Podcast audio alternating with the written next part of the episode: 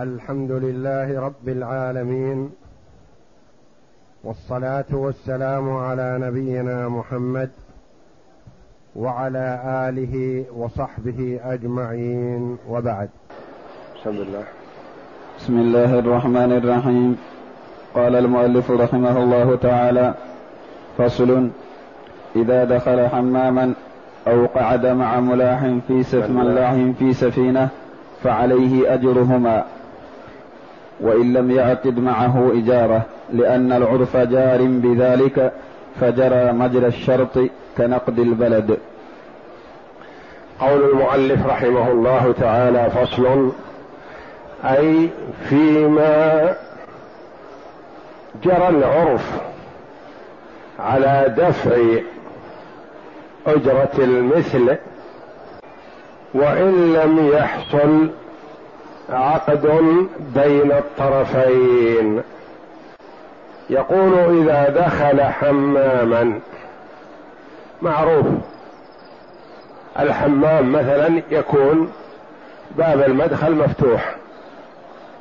وإذا أراد الإنسان يدخل الحمام يدخل مع هذا ويغتسل ويعمل ما يعمله من نظافة ثم يخرج ويحاسب من عند الباب يدفع له الأجرة قد يقول قائل ما حصل عقد بين الطرفين؟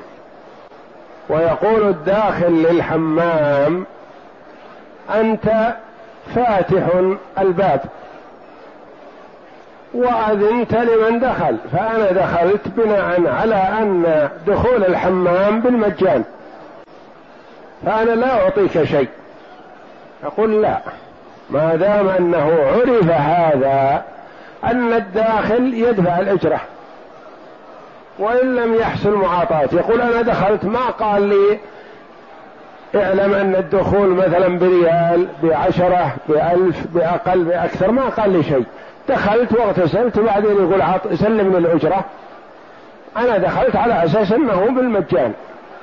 نقول لا هذا جرى العرف أنها تدفع الأجرة وإن لم يحصل عقد بين الطرفين.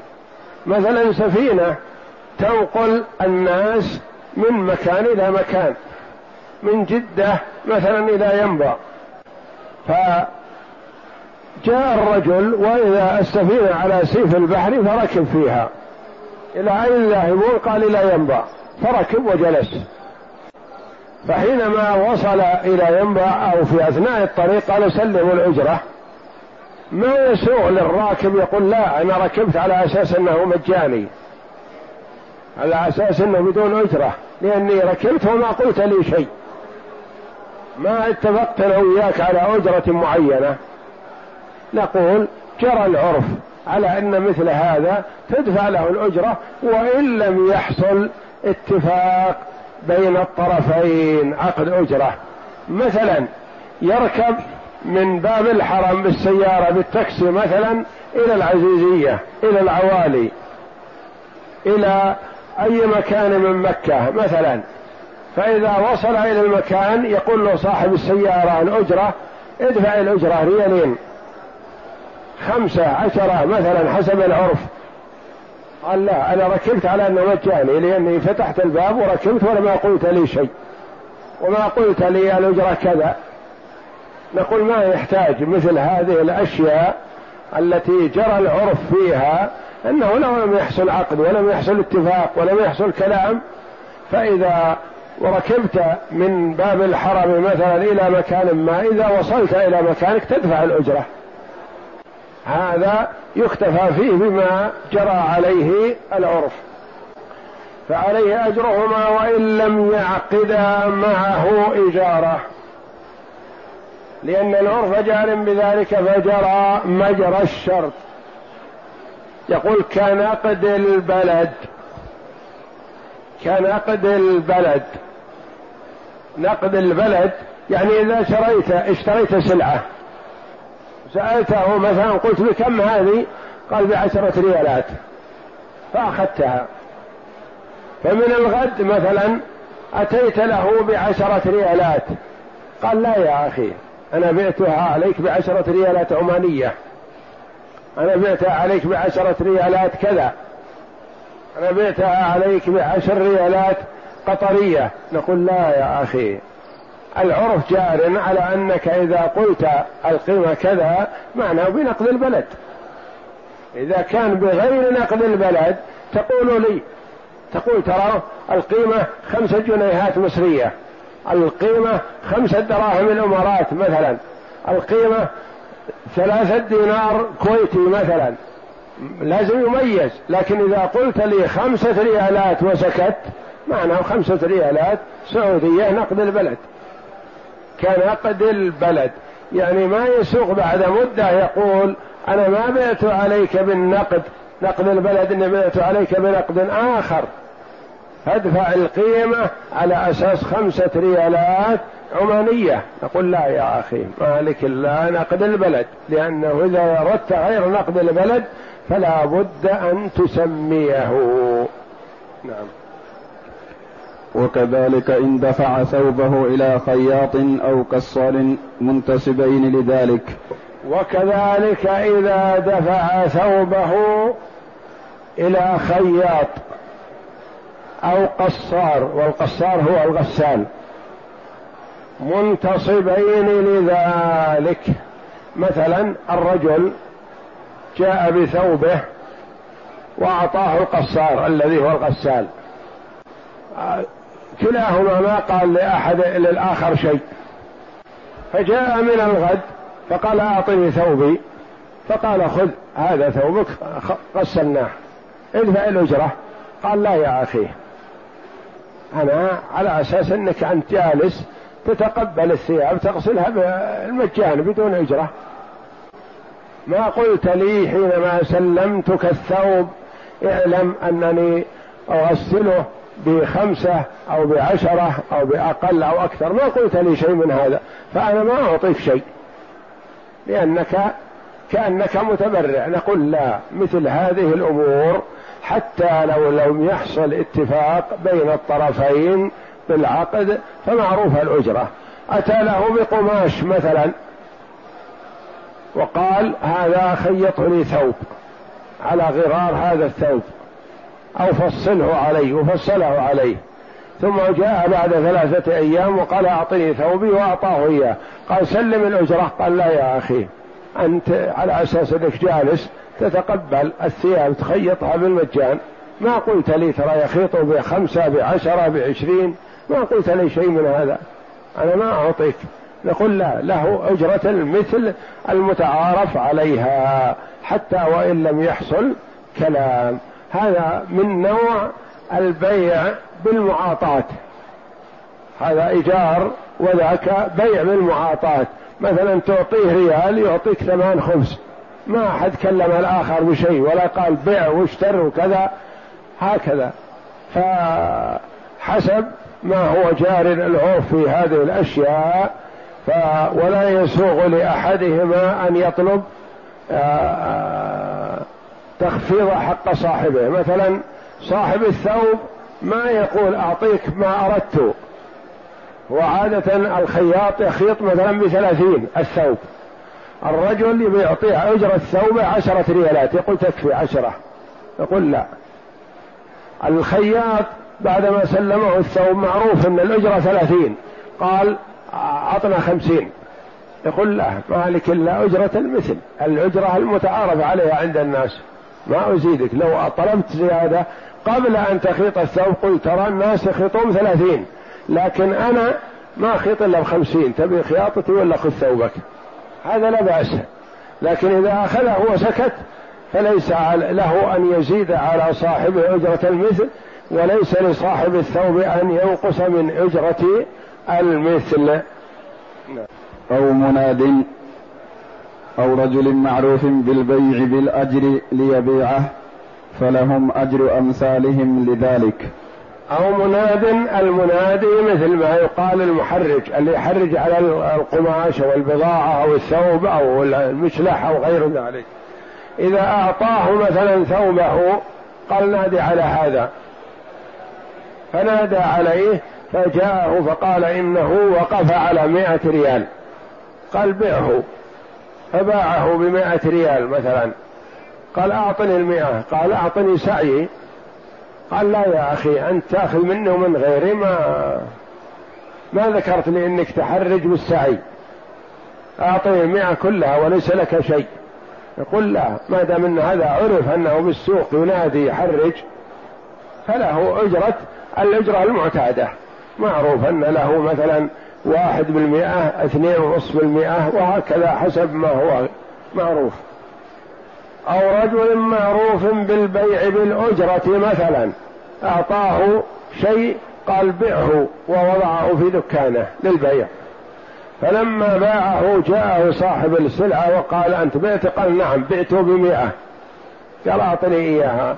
قال ما هذه المئة لكن أعطني سعي. يقول لا يا أخي أنت ما تكلفت عليها شيء أنا وضعتها بباب دكانك وأنت بعتها والمئة لي.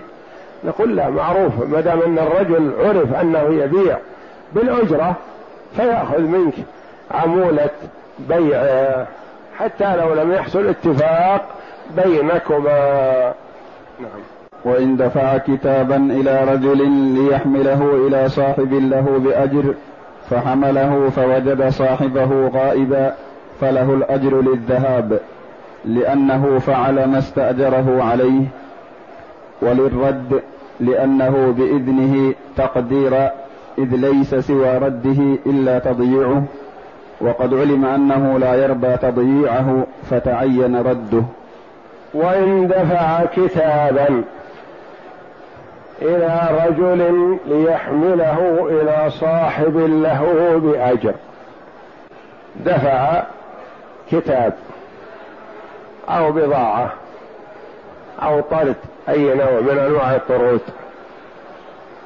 على أساس أنه يحمله من مكة إلى الرياض ويسلمه فلان في الرياض.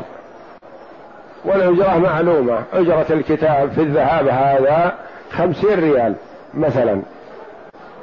إنه بالبريد الممتاز. خمسين ريال. فذهبوا بالكتاب فبحثوا عن صاحبهم في الرياض ما وجدوه. ماذا يعملون في الكتاب؟ يرجعون إلى صاحبه. يطلبون من صاحبه مئة ريال. يقول الأجرة المعتادة في الذهب خمسين. وما وجدنا صاحبك. وعدناه لك بخمسين. يقول لا ماذا استفدتنا؟ كتابي الذي أرسلت ما وصل إلى صاحب. ما تستحقون علي أي أجرة؟ نقول لا يستحقون. لأن الأجرة في الذهاب أنت اتفقت معهم. فلما وصلوا للرياض بحثوا عن صاحبك ما وجدوه. ماذا يعملون بالكتاب يرموه؟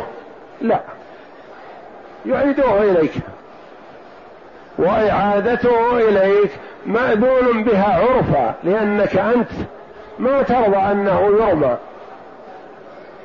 وصاحبك ما وجد فما بقي إلا أنه يرجع عليك فيطالب بالأجرة ذهابا وإيابا. ومثله لو سلمه طرد يحمله بسيارته. الطرد هذا بعشرين ريال أجرة فما وجدوا صاحبه فردوه عليه يأخذون عشرين أخرى مقابل العودة. فحمله فوجد صاحبه غائبا فله الأجر للذهاب. يعني استحق الأجر وإن لم يجد صاحبه لأنه فعل ما استأجره عليه. وللرد له أجرة كذلك للرد لأنه بإذنه تقديرا يعني ما هو بإذنه لفظا بإذنه تقدير. يعني عرف أن صاحب الكتاب لا يرضى بتضييع كتابه.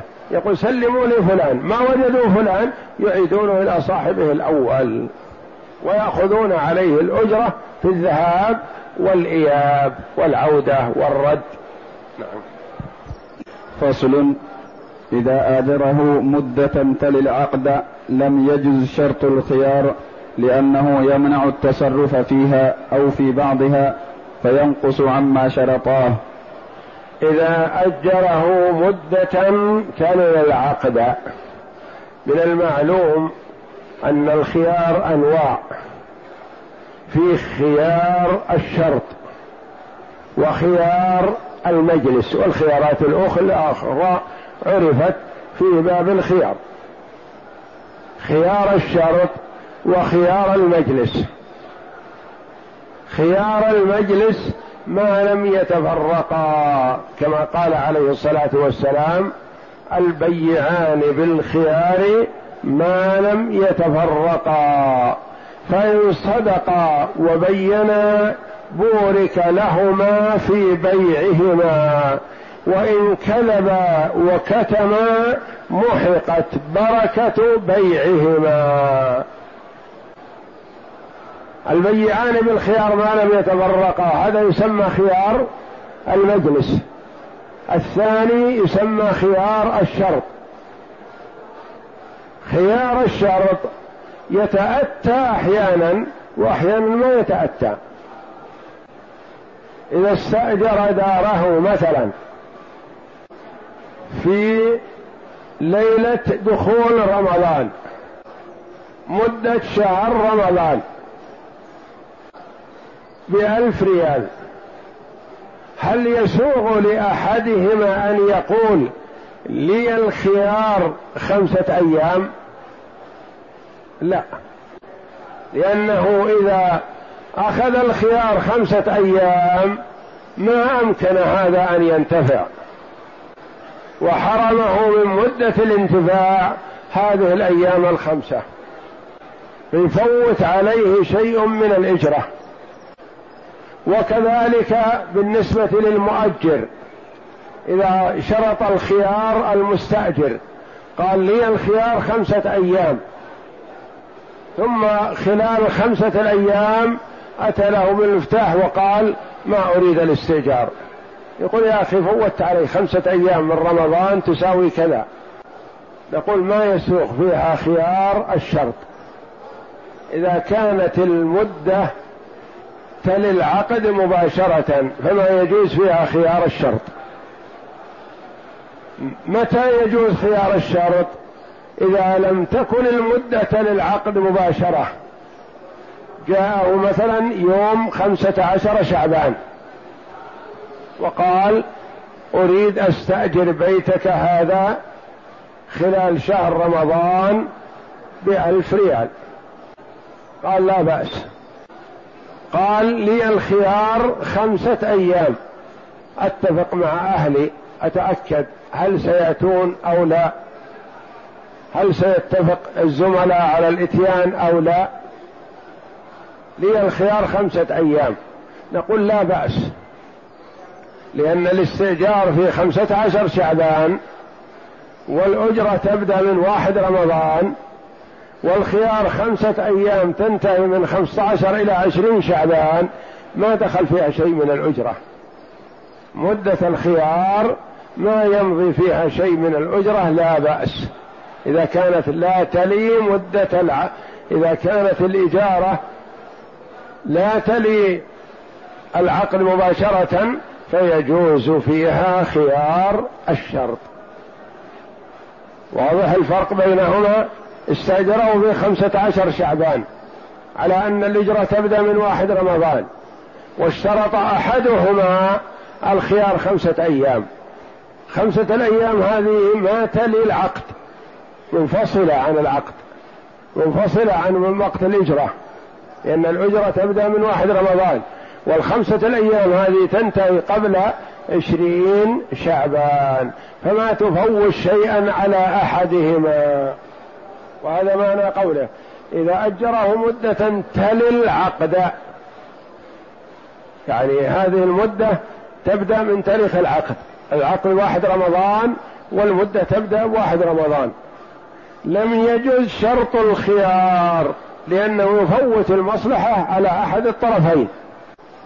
لأنه يمنع التصرف فيها أو في بعضها فينقص عما شرطاه وفي خيار المجلس وجهان. هل يصح يجوز خيار المجلس؟ قالوا خيار المجلس يفوت لأن المدة بدت الآن. نقول يجوز. لأن خيار المجلس ما يطول غالبا ربع ساعة نص ساعة ساعة ما يفوت شيئا كبير. فخيار المجلس قال فيه وجهان يجيزه بعضهم والوجه الثاني لا يجوز. نعم. وفي خيار المجلس وجهان أحدهما لا يثبت لذلك. لا يثبت خيار المجلس. نعم. لذلك لأنه يفوت التصرف. نعم. والثاني يثبت لأنه يسير. لأنه يسير. خيار المجلس ما يطول. نعم. وإن كانت لا تلي العقد ثبت فيها الخياران لأنها بيع ولا مانع من ثبوته فيها. وإن كانت لا تلي العقد مثل ما قلنا في العقد اتفقوا مثلا في 15 شعبان. والأجرة تبدأ من واحد رمضان. وشرط خيار الشرط خمسة أيام ما تقع في مدة الإجارة. خمسة أيام من خمسة عشر شعبان إلى عشرين شعبان هذه تجوز لأنها ما تمول شيء من المنفعة في العين المستأجرة. نعم. وكذلك إن كانت على عمل في الذمة أو على منفعة عين في الذمة ثبت فيها لذلك. كذلك يثبت خيار الشرط وخيار المجلس إذا كانت الإجارة على عمل في الذمة. عمل في الذمة. وهو عمل يبدأ يعني في الزمن وإنما هو في الذمة. يعني قال له أريد تبني لي هذا البيت مثلا بمائة ألف. فاتفق على هذا لكن قال أحدهم لي الخيار خمسة أيام. هذا العمل عمل في الذمة. وأحدهم اشترط خمسة أيام يقول أنظر هل أتمكن من البناء؟ أو لا. كل واحد منهم يقول هل أتمكن أو لا. هل أقدر أتحصل على قيمة البناء؟ خلي خمسة أيام فرصة. والمقاول مثلا ممكن يقول خلي خمسة أيام فرصة أفكر في نفسي. هل أتمكن من البناء أو لا؟ هل أستطيع إحضار المعدات اللازمة للبناء أو لا؟ فيجوز اشتراط خيار الشرط وخيار المجلس إذا كان عمل في الذمة لأنه لا يفوت على أحدهما شيئا. عمل في الذمة أو على منفعة عين في الذمة. كذلك منفعة عين في الذمة. عمل في الذمة يعني استأجره لعمل بيت. وهذا في الذمة. أو منفعة عين في الذمة مثلا يقول أنا أريد منك عشر سيارات أحمل عليها بضاعة من مكة إلى الرياض.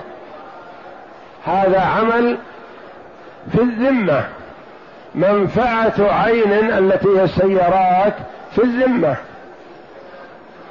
فاتفق على أن يحضر له عشر سيارات تحمل أمتعته من مكة إلى الرياض.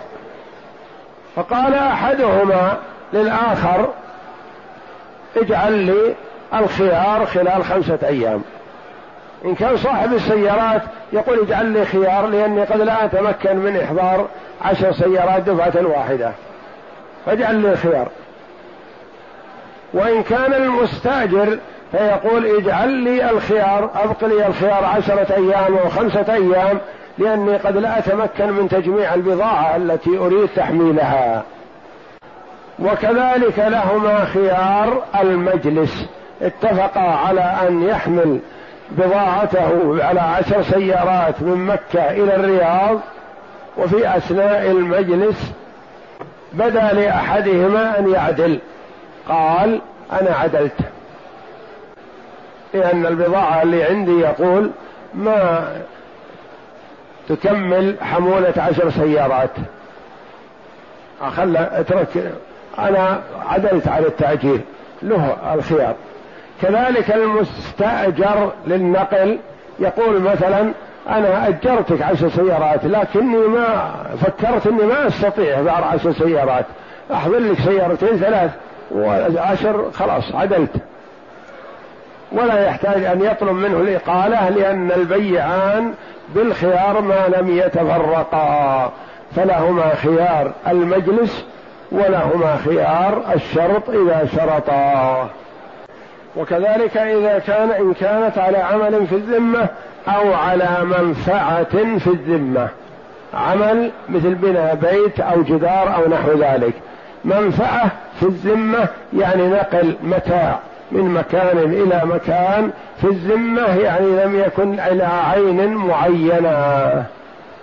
والله أعلم وصلى الله وسلم وبارك على عبده ورسول نبينا محمد وعلى آله وصحبه أجمعين.